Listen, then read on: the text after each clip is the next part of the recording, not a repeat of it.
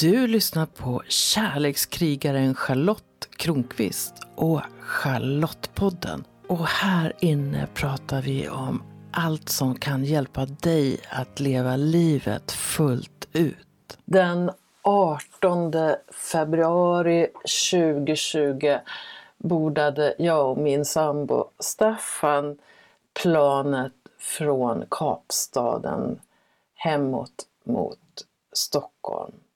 Och den 19 februari var vi hemma på Arlanda igen. Och jag minns hur det stod eh, några små skyltar som handlade om eh, Corona. Men det var ingen som kollade oss på något sätt.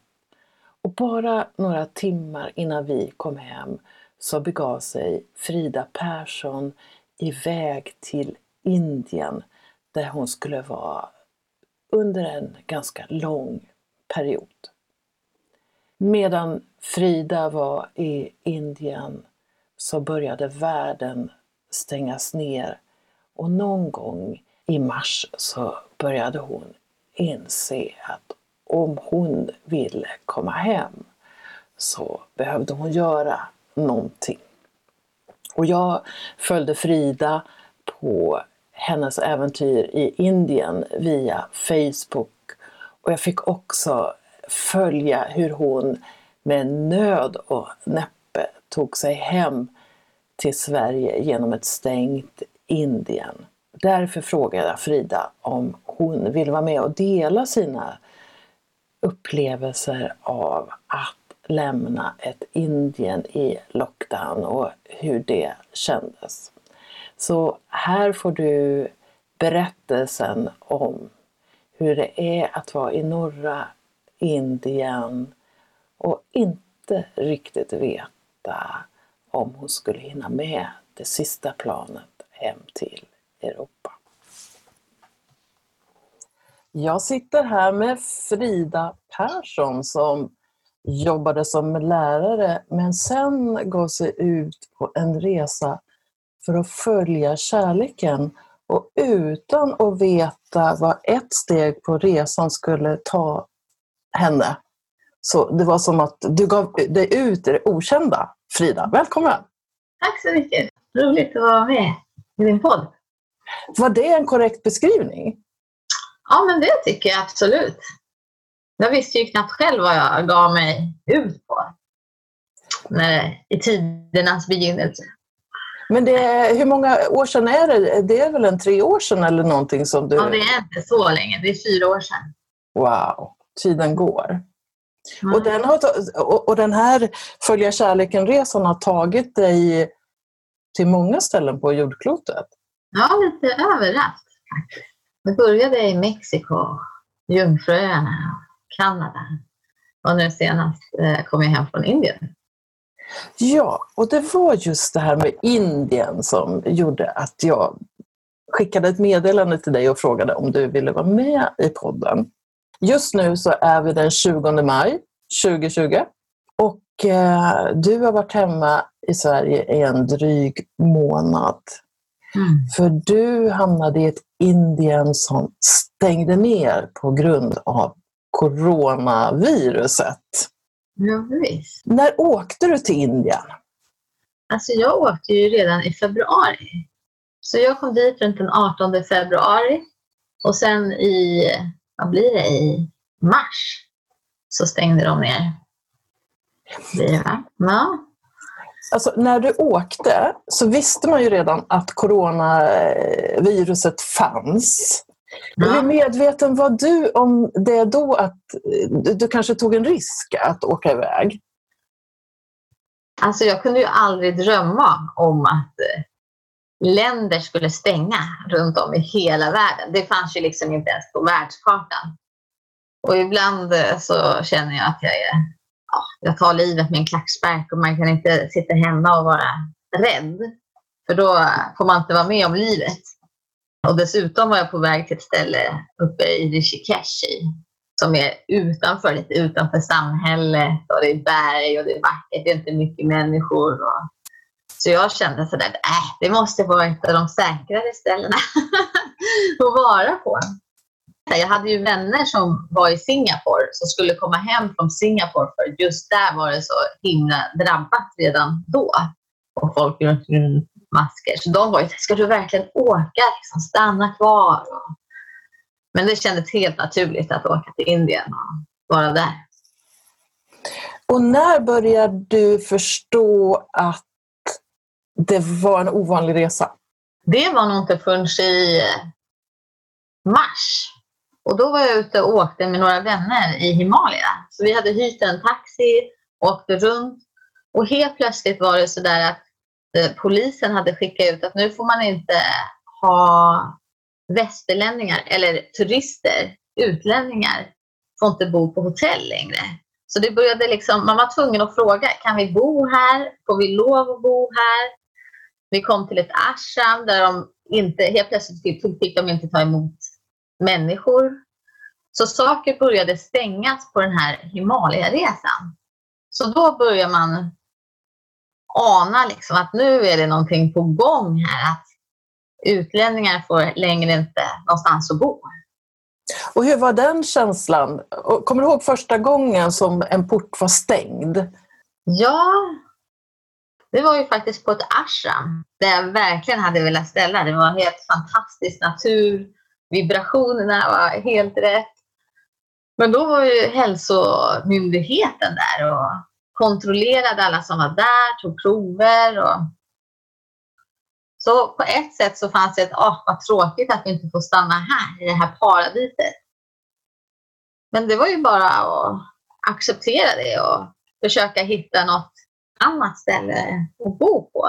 Men jag hade fortfarande liksom ingen direkt oro.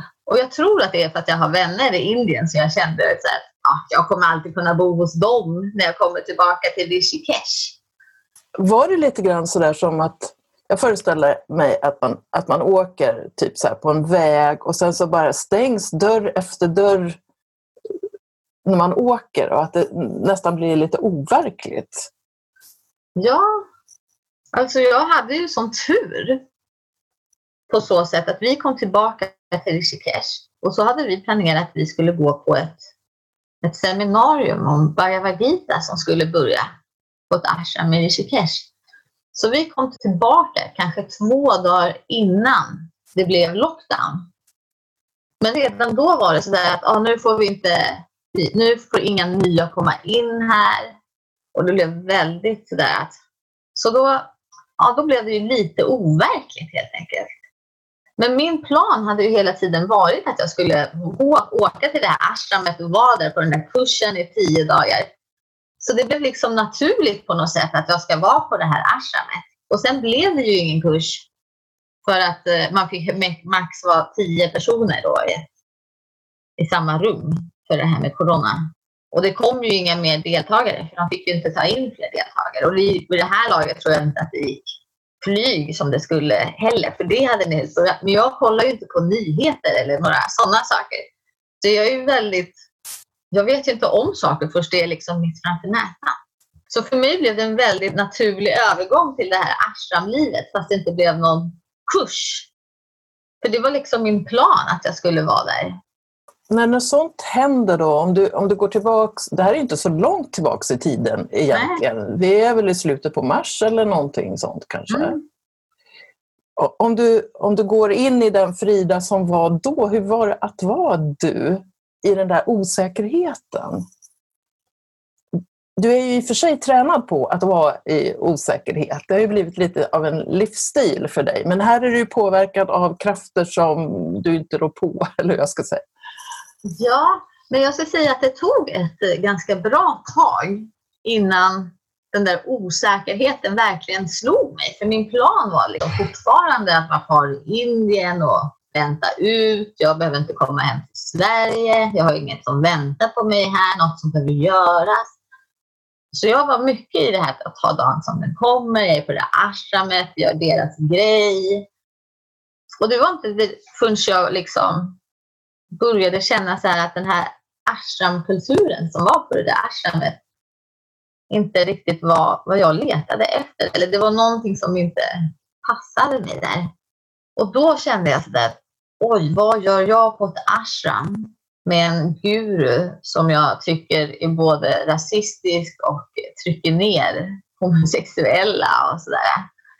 Det kändes liksom inte helt rätt. Och inte förrän jag kom in i det, då kom det mer frågetecken till att vad kommer egentligen hända med Indien nu när det är så många som inte jobbar, de får inte pengar, de har liksom inget välfärdssystem. Vad kommer verkligen hända när människor börjar svälta i Indien? Och det skapade liksom den här första oron för mig. Sådär, Oj, hur säkert är det att vara här då? Vad kommer hända? Liksom? Jag såg så här upplopp framför mig och sådana saker. Är inte det en rätt så, så vad ska man säga, reell, hur ska jag säga det? Eh, det känns ju som att det är som en relevant eh, reaktion ja. hos dig. Ja, så det var det som liksom började dra igång det hela. Men jag ska, och det här är ju så konstigt hur man fungerar. För man tror ju att det är sådana grejer som verkligen ska gå igång igen. Men det som verkligen gav mig skrämselhicka, det var att ja, först arrangerade Norden ett gemensamt projekt att få hem människor. På det flyget var det redan överbokat när jag försökte få tag på det. Men då kom det ett mejl att ah, men KLM har ett flyg till Amsterdam som ni bokar på vanlig väg. Så du bara går in och bokar på nätet.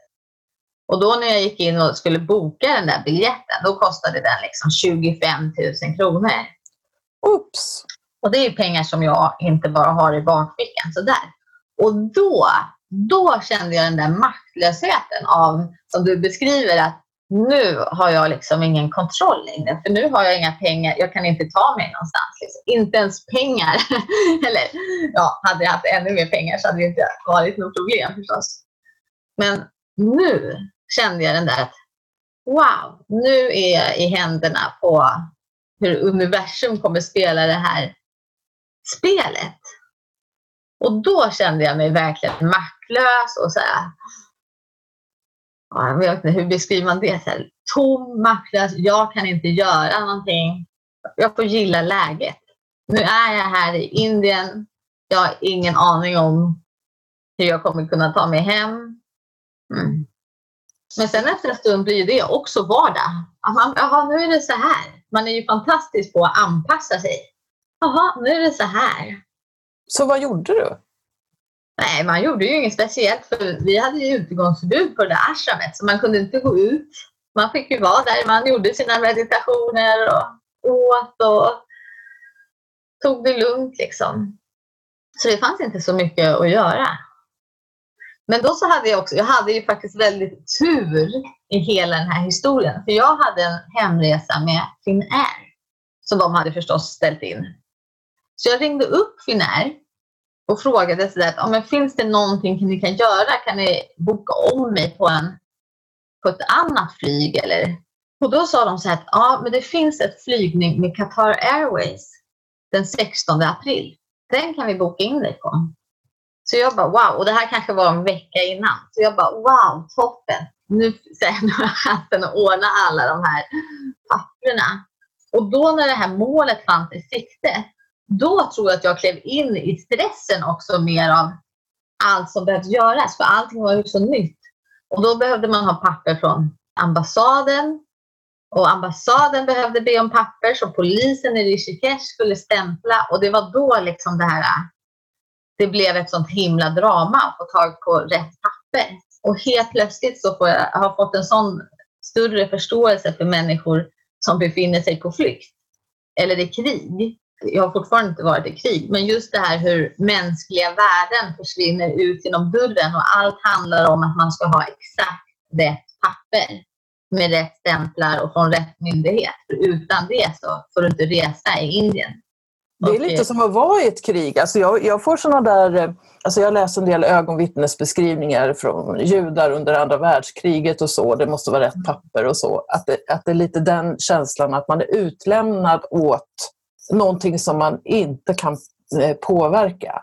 Ja, och sen att ingen vet heller, för allting är så nytt. Så alla säger olika saker, det är olika rykten och det är ditt och det är datt. Du går dit, du går hit och du bara och ingen vet. Så det är liksom den här stressen hela tiden. Och så är ju allt, eh, liksom om man då jämför den indiska kulturen mot oss i Sverige så är vi väldigt mindy och det är väldigt så här, ja, nej, fyrkantigt. Medan i Indien är allt lite ja, flytande för en svensk. Är det, för dem är det helt normalt förstås. Men för mig blir det så här, oj, oj, oj. Liksom. Så jag åker in, liksom, jag får mitt papper från ambassaden en vecka innan, åker ner till polisstationen för att få det stämplat. Men då stämplar de bara papperna 24 timmar innan. till exempel. Så tillbaka upp till ashramet liksom och vänta då till sista dagen. Liksom.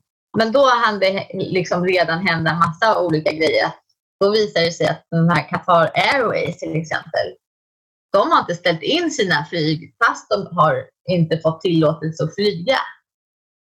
Så precis innan mitt flyg ställs in så har det kommit ett nytt sånt där flyg från regeringen, från Finlands regering, att de har ett flyg. Så jag lyckas norka åt med den sista platsen på det flyget som går den 18 april. Ja, så då får jag liksom göra om hela den här pappersexercisen till be om. Och det var liksom det stressigaste, att få de där papperna.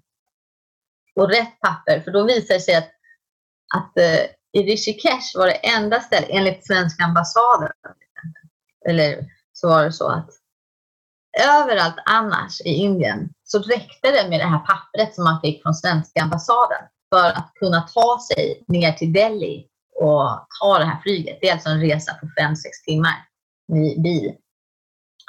Men i Rishikesh, där krävde de också ett papper från då den här indiska regerings...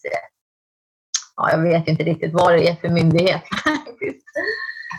och det här pappret kan inte jag se till att få. Och det tog ju bara lång tid innan jag bara utforskade vem är det som ska, kan be om det här pappret och vart ber man om det här pappret. Och då var det den enda som kunde be om pappret var svenska ambassaden. Så svenska ambassaden behöver be om lov då från den här myndigheten för alla som ska med i det där flyget som kommer från den här delstaten då, i Indien. Så det är liksom flera hundra personer. Och så ska man då till polisen och få det liksom stämplat.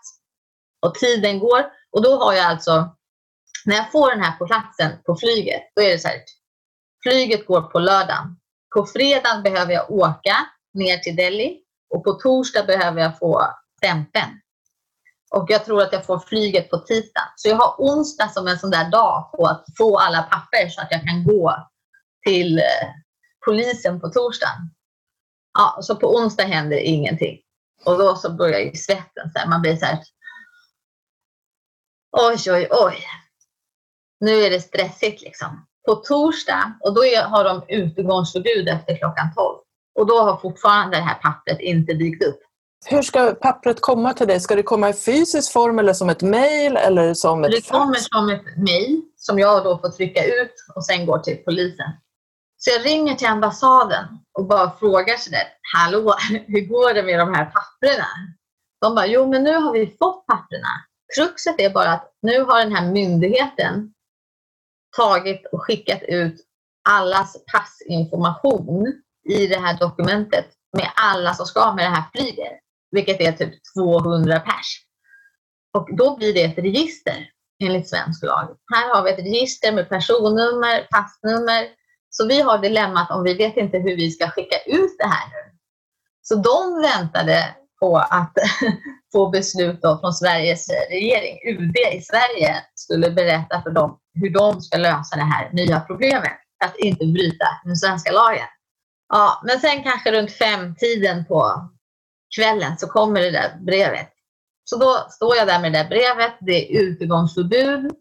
Eh, jag går till en av de här killarna då som eh, hjälper till med olika ärenden och bara frågar sig, hej, kan vi åka till polisen nu? För nu har jag de här papperna.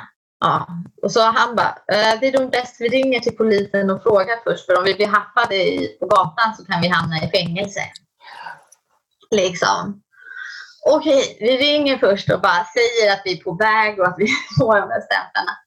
Men det löste sig i alla fall. Vi åkte ner, fick stämplarna, inga problem. Jag packar, allting är klart taxin ska komma klockan nio dagen efter. Och då är jag ju införstådd med att det här blir ju klockan nio indisk tid, så den kan ju komma lite sent. Men klockan hinner bli tio och researrangören lovar att han är på väg, han är på väg. Och klockan hinner bli elva och han är på väg och han är på väg. Och jag bara, nu får du liksom säga sanningen. Är han på väg? Har det hänt något? Han bara, nej, nej, han kommer strax, han kommer strax. Liksom. Så klockan tolv dyker han upp. Och då är det helt fel chaufför, fel namn, fel bil, mina papper stämmer inte överens. Och man känner bara, det här kan inte vara sant. Det finns ju inte en möjlighet att, liksom, att be om nya papper när processen har varit som den är. Liksom. Men då har jag sån tur att den där chauffören tillhör en annan kille som ska också åka från Rishikesh. Så vi gör helt enkelt så att jag river ut sidan där mitt namn står. Jag får hans dokument och så bara kilar jag in min sida i hans dokument och så åker vi ner och så får vi liksom en stämpel igen på mitt nya dokument. Så det gick. Så det är mitt lilla äventyr i Indien. Så stressen var liksom just när jag vet att nu ska jag åka och nu ska jag ta mig dit. Det var liksom det här stressiga när jag bara, oh shit liksom. Eh, vilken hjälp hade du av att du mediterar och sånt, att du kan ha kontakt inne i Frida? Ja men gud. Alltså, det är, alltså jag tror jag aldrig hade klarat den här veckan med alla de där grejerna utan att gå i taket annars. Nu kan jag ju ändå ha en lite så här, ja, indisk stil, du vet att man får att allting ska hända i sista minuten och sådär liksom. Ja, men förut hade jag bara nej, nej, nej. Jag hade ju varit, det hade ju varit det enda liksom. jag hade pratat om, ah, dåligt, ah. Ja, nej. Sen är jag också intresserad av att höra, när du väl då kommer med taxin till Delhi, hur ser det ut på flygplatsen där? Alltså det enda flyget som skulle gå var ju vårt flyg. Så det är i stort sett helt tomt förutom alla som ska med det här flyget.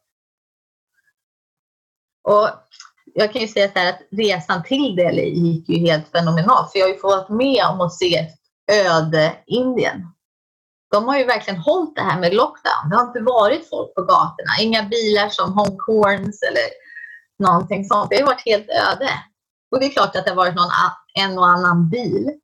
Så, och då märker man ju, Delhi är ju en miljonstad. Så det är klart att där var det ju lite mer bilar. Blir inte, ja. blir inte det som en spöklik känsla? Jag kommer ihåg en film med Tom Cruise som heter Vanilla Sky. Och så är han mitt i New York, och det kanske är någon dröm, och så är det ingen där. Han är ensam. Och jag tänker det här att åka igenom ett Indien som vanligtvis, jag har bara erfarenhet av, av Goa och Puna, men det myllrar utav människor. Och så att åka igenom det här, alltså hur var den känslan? Jag sa ordet spöklik, men, men om du beskriver hur det kändes? Alltså jag tycker att det var mer vackert och jag var så himla fascinerad. Jag var i ett stadium av fascination över att wow, vilken upplevelse. Och ibland kunde man se någon som var ute på fältet eller några poliser och en bil här och en bil där. Så jag var verkligen men däremot när jag åkte till mitt sommarställe här i Sverige och tog tåget från Centralen en morgon, då hade jag den där upplevelsen av att jag är med i en skräckfilm. För då var det bara jag på hela Centralen. Och man bara, vart är alla? Och affärer var stängda. Jag gick in på en pocket shop och jag var ju den enda som var där. Och det kändes bara, då kände jag att oj, nu är det en skräckfilm liksom och snart kommer zombisarna. snart kommer zombisarna eller så är jag den enda som har överlevt eh, pandemin liksom. Då mm. fick jag den känslan. Men vi kommer tillbaks till den här flygplatsen då. I, där, ni är 200 personer på hela stora flygplatsen i princip. Ja. Hur, hur var det? Ja, men också att man kände sådär att allt är ju så himla indiskt. Så de har ju då, den här gigantiska flygplatsen har ju säkert 20 dörrar säkert som kan öppnas där man kan gå in. Men då har de öppnat en dörr där alla får gå igenom. Så det är världens längsta kö. En kö på 300 personer som ska igenom den här dörren och där tar de febern, de kontrollerar ens pass, de gör alla hälsocheck-in. Så det är världens kö. Och sen så kommer man till security check nummer ett, där väskor då ska in. Och sen så kommer man tillbaka och sen blir det kö till check-in. Och där står de liksom i rymddräkter då liksom. Täckta från huvud till tå och i munskydd. Så blir, får man bagaget incheckat och sen blir det, blir det nästa security check. Liksom. Så det var väldigt mycket security check. Så stå i kö liksom hela tiden. Och, ja, när man kom till passkontrollen så hade de ju några fler som var öppna då. Men helt plötsligt så var det ett skifte i när de jobbade antar jag. Så helt plötsligt bara reste de sig upp och gick utan att säga någonting. Och man bara hallå! Men man vet ju själv att man är ganska garanterad att komma med flyget i alla fall. Men det är så himla indiskt för oss. Liksom. Och man bara, ska jag stå kvar här eller ska jag gå till en annan kö där det faktiskt sitter någon? Hur ska man göra? Så då liksom så 20 minuter får man stå och vänta på att ah, sen dyker det upp en som börjar jobba igen. Mm. Men he helt öde på flygplatsen förutom oss. Liksom. Alltså, eh, eh, näst senaste gången jag åkte till Indien så, skulle vi, så flög vi till Mumbai. Mm. Och så hade vi fem timmar senare ett flyg till Goa. Mm. Och vi hade e-visa. Och det tog fyra timmar innan vi hade fått visa upp det här e-visat. Vi fick springa som galna råttor och fick vet, muta oss fram för att komma med vårt plan. Alltså, så att det är verkligen, jag skulle kalla det du, kan ju, du säger så snällt indiskt, men man kan också säga att det finns en viss in, ineffektivitet i, i systemet. Ja, men de har ju uppfunnit, jag tänker att de är så många så de måste uppfinna så många jobb. Liksom. De ska titta på det här och de ska titta på det. Och, ja. Så stiger du ombord på planet, vad är känslan i dig då? ja men gud vad skönt liksom. Snart liksom, nu sitter man här liksom. Nu är det så att nu är vi på väg. Att någonting ska gå åt fanders nu är ju liksom... Men jag tror att riktigt liksom just när, man, när vi lyfte, liksom, då var det så här, oh, nu är det hundra liksom. Nu är vi på väg. För jag kände ju så att ja, från Finland tar man sig, där kommer det inte bli något problem. liksom. Men också att komma på, på det här, för det var Finnair som flög, komma på, på det här flyget och bara, det är så himla skandinaviskt kan man väl säga. Så att de har redan gjort en timeline. Liksom. Vi kommer servera fika på den här tiden. Liksom. Allt är så här, äh, väldigt äh, så här, fixat och trixat. Liksom. Inga konstigt. Liksom. Vi lämnar inget åt slumpen. Eller... Ja, så det har känts så himla naturligt på något sätt. Och det tror jag liksom är det här att ja, helt plötsligt bara kom jag in i flödet av att Nej, men nu vill jag nog åka hem ifall jag får chansen. Och så liksom gjorde jag allt för att ta mig hem med allt det här pappersjobbet och det. Liksom. Har du någon vän som är kvar i Indien och inte tog den här chansen? Ja, jag har ju några nu som är kvar på ashramet till exempel. Och de är ju de är nog ganska trötta på att vara där. Nu hörde jag att de har ju förlängt, förlängt lockdown till i slutet på maj måste det väl vara. Men de har gjort nu att vissa regioner där, som, där de inte har haft några coronafall ännu, där har man då öppnat upp och låter folk gå och jobba och lite sådär. Så jag har hört nu att Tapovan, där det här Ashamet ligger, där jag har varit, har fått tillåtelse då till att öppna upp. Så jag vet att, eh, att de sa att nu är det inte så, för nu, när jag var där så fanns det ju inga människor på gatan, inga bilar. Men nu är det tillbaka till tutande och den där sköna tystnaden att man hörde Ganges susa förbi. Liksom. Det är den inte förbi nu, utan nu är det lite mer så. Men på det här ashramet är de fortfarande inte tillåtna att gå ut på grund av risken. Då. Nu befinner du dig i Blekinge. Ja. jag gissar att du kör social distansering. Det blir ju lite det automatiskt nu när jag sitter här i mitt, min stuga ute i skogen. Så hur är det att vara du just nu? Ja, det är helt underbart. Det är så himla skönt. Jag är så himla nöjd med livet och tillvaron. Och, eh, en gång i tiden så var ju det min största skräck att vara själv. Jag kunde ju definitivt inte vara mer än några timmar för mig själv. Så jag känner ju att det är mirakel att det gör mig så gott att vara så mycket själv. Just när du säger det där så kommer jag att tänka på boken Alkemisten som jag tycker är en väldigt bra, ganska enkel eh, beskrivning av hur man kommer hem till sig själv. Man är ute i världen och söker och följer kärleken och till slut så kommer man fram till att den finns ju här. Alltså skatten är hemma hos mig. Ja. Hur nära skatten är du? Ja, men jag känner att det är så jag är liksom. Jag går ju runt och bär på den hela tiden. Och det är fortfarande så att jag, just det, det är inne till mig liksom, så skrattar jag just att man är så glad att det inte har hänt någonting. Det är fortfarande nytt för mig att jag bara, åh, härligt liksom. Det behövs liksom inte att det händer något eller göra någonting utan det bara är någonting som kommer igenom. När du säger det så, så känner jag att, det, att eh, Alltså ibland när jag äh, möter människor och så har de mycket smärta så känns det i mitt bröst. Jag får ett tryck ja. över bröstet. Men nu känner jag mer att det bubblar i bröstet ja. när du äh, säger det där. Ja, och det är det som jag tycker är det mest fantastiska eftersom ja, folk eh, känner av den där glädjen som man går runt och bär på. Och det är ju också så roligt. För förut har jag hållit på och försökt passa in och vara rolig och klämkäck och liksom allt det där. Och nu blir folk glada bara för att, fast jag inte gör något.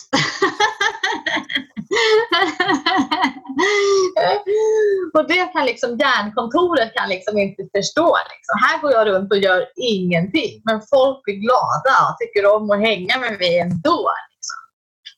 Ja, så det är verkligen en gåva. Ja, och det verkar också som din gåva och ditt hem blir också det som du kan ge till andra. Så uppfattar jag det. Ja, det blir ju det.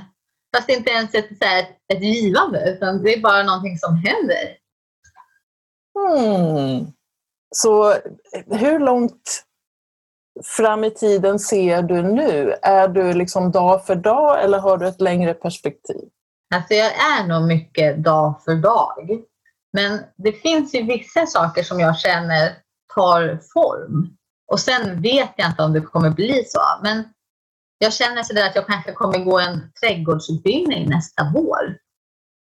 Och det är ju ganska så långt och det är ju väldigt löst. Jag har liksom inte gjort någonting. Men jag känner att ja, men det är mycket troligt att jag kommer gå den där trädgårdsutbildningen. Och så nu när jag är här på vårt lilla torp här så känner jag också att eh, ja, men jag kommer nog vara här hela sommaren. Mm. Och sen finns det liksom inget mer. Ja, jag har inga planer för dagen. Jag håller på att plantera lite i landet. Det tycker jag är kul. Har påbörjat lite projekt, men absolut inga måste. Utan, mm, jag kanske söker ett jobb för att få lite extra pengar. Mm. Jag har ett väldigt välsignat liv. Alltså det låter så härligt och jag är så glad att du kom hem. Eh, och också att du ville berätta det här för mig. Ja. Kanske tack. någon annan kan lära sig någonting av det eller få inspiration till någonting. Ja, det är möjligt. Tack Frida! Tusen tack! Ha det bäst! Frida Persson är alltså i Blekinge och jag befinner mig hemma i Stockholm. Och för mig har det känts angeläget att skildra coronakrisen från genom människor som dels har varit med om lockdown, som intervjun med Valentina Franki eh, som nyss har sänts i podden, men också hur det är att vara med om att ta sig från ett land i lockdown och hem. Och när det här spelas in är det fortfarande ingen som vet hur det kommer att gå med utlandsresor eller i vilken mån vi svenskar ens är välkomna till andra länder under de förutsättningar som gäller nu. Tack för att du lyssnar på Charlottepodden och jag kommer fortsätta att göra avsnitt om sånt som jag tycker är väsentligt. Puss från din kärlekskrigare med social distans såklart. Kom ihåg att prenumerera på Charlottepodden så att du är med när nya avsnitt kommer. För vem vet vad du kan få lära dig om livet i det avsnittet? Rekommendera gärna podden till en vän så är du med och sprider vetskap om att den här podden finns och berätta vad den ger just dig. Jag skulle bli så glad om du också går in i din podcast-app och lämnar en kommentar eller skriver en recension av podden. Ju fler som gillar podden öppet, desto fler kommer också att hitta den.